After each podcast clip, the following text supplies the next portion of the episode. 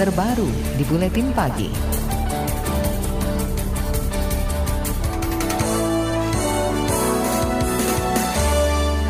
Presiden Joko Widodo kembali mengancam bakal mencopot pejabat TNI Polri yang gagal memadamkan kebakaran hutan dan lahan di wilayahnya.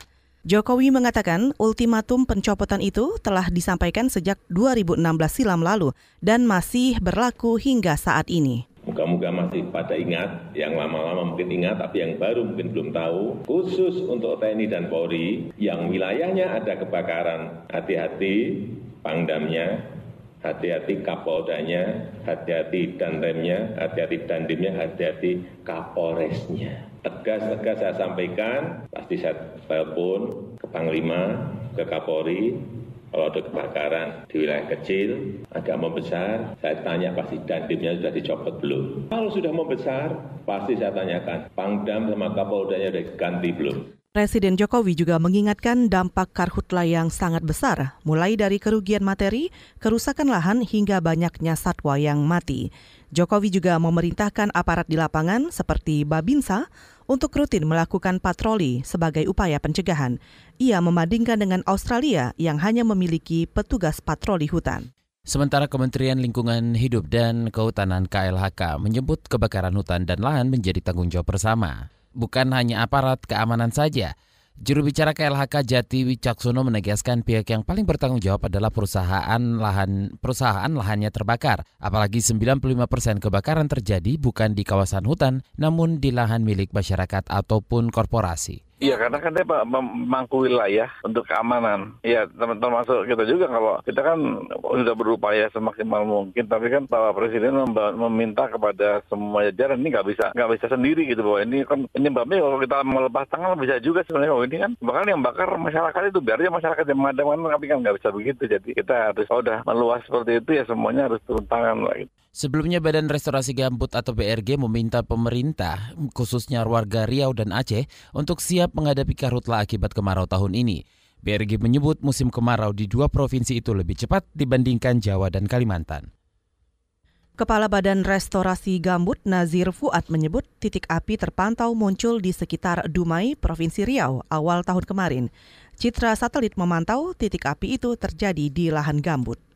Tahun ini khusus Riau sudah harus waspada karena biasanya Riau, laporan dari Ibu Dwi Korita, Kepala BMKG, itu memasuki musim kemarau Februari dan Maret, mungkin sampai April. Sementara provinsi lain itu masih masih basah, Kalbar masih basah, masih hujan gitu. Kita juga masih di sini. Jadi Riau dan juga Aceh yang harus siap-siap ya. Kepala Badan Restorasi Gambut Nazir Fuad juga meminta semua pihak mewaspadai terjadi karhutla di berbagai daerah di Indonesia.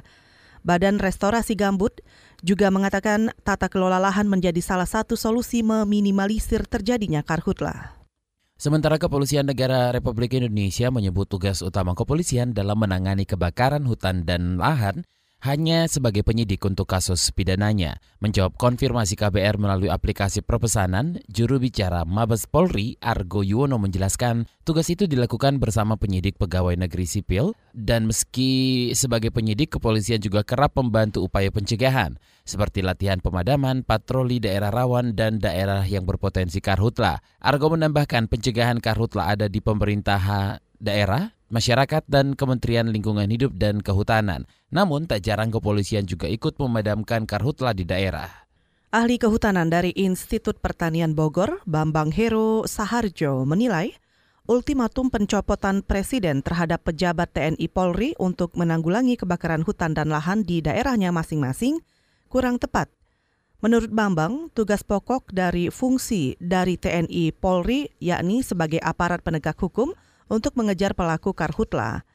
Bambang Heru juga menyebut pemerintah daerah, provinsi maupun BPBD yang semestinya terjun sebagai garda terdepan untuk penanganan pertama karhutla. Padahal sesungguhnya TNI Polri itu bukan tupoksinya itu, tetapi dengan melihat ya mungkin kemampuan ini dan sebagainya, sampai hari ini mungkin eh, TNI Polri lah yang paling diandalkan untuk melakukan kegiatan pengendalian. Di samping itu mestinya uh, instansi yang terkait dengan itu, misalnya di, di kabupaten atau provinsi ada BPBD, kabupaten provinsi, ditambah lagi dengan mengalami, nah itulah mestinya uh, kewajibannya sesuai dengan uh, tupoksinya masing-masing. Kalau itu tidak mampu, barulah turun TNI dan Polri.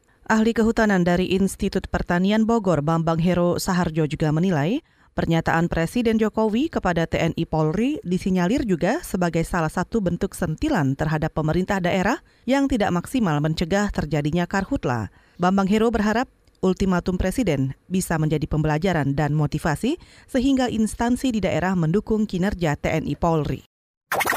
KBR, inspiratif, terpercaya.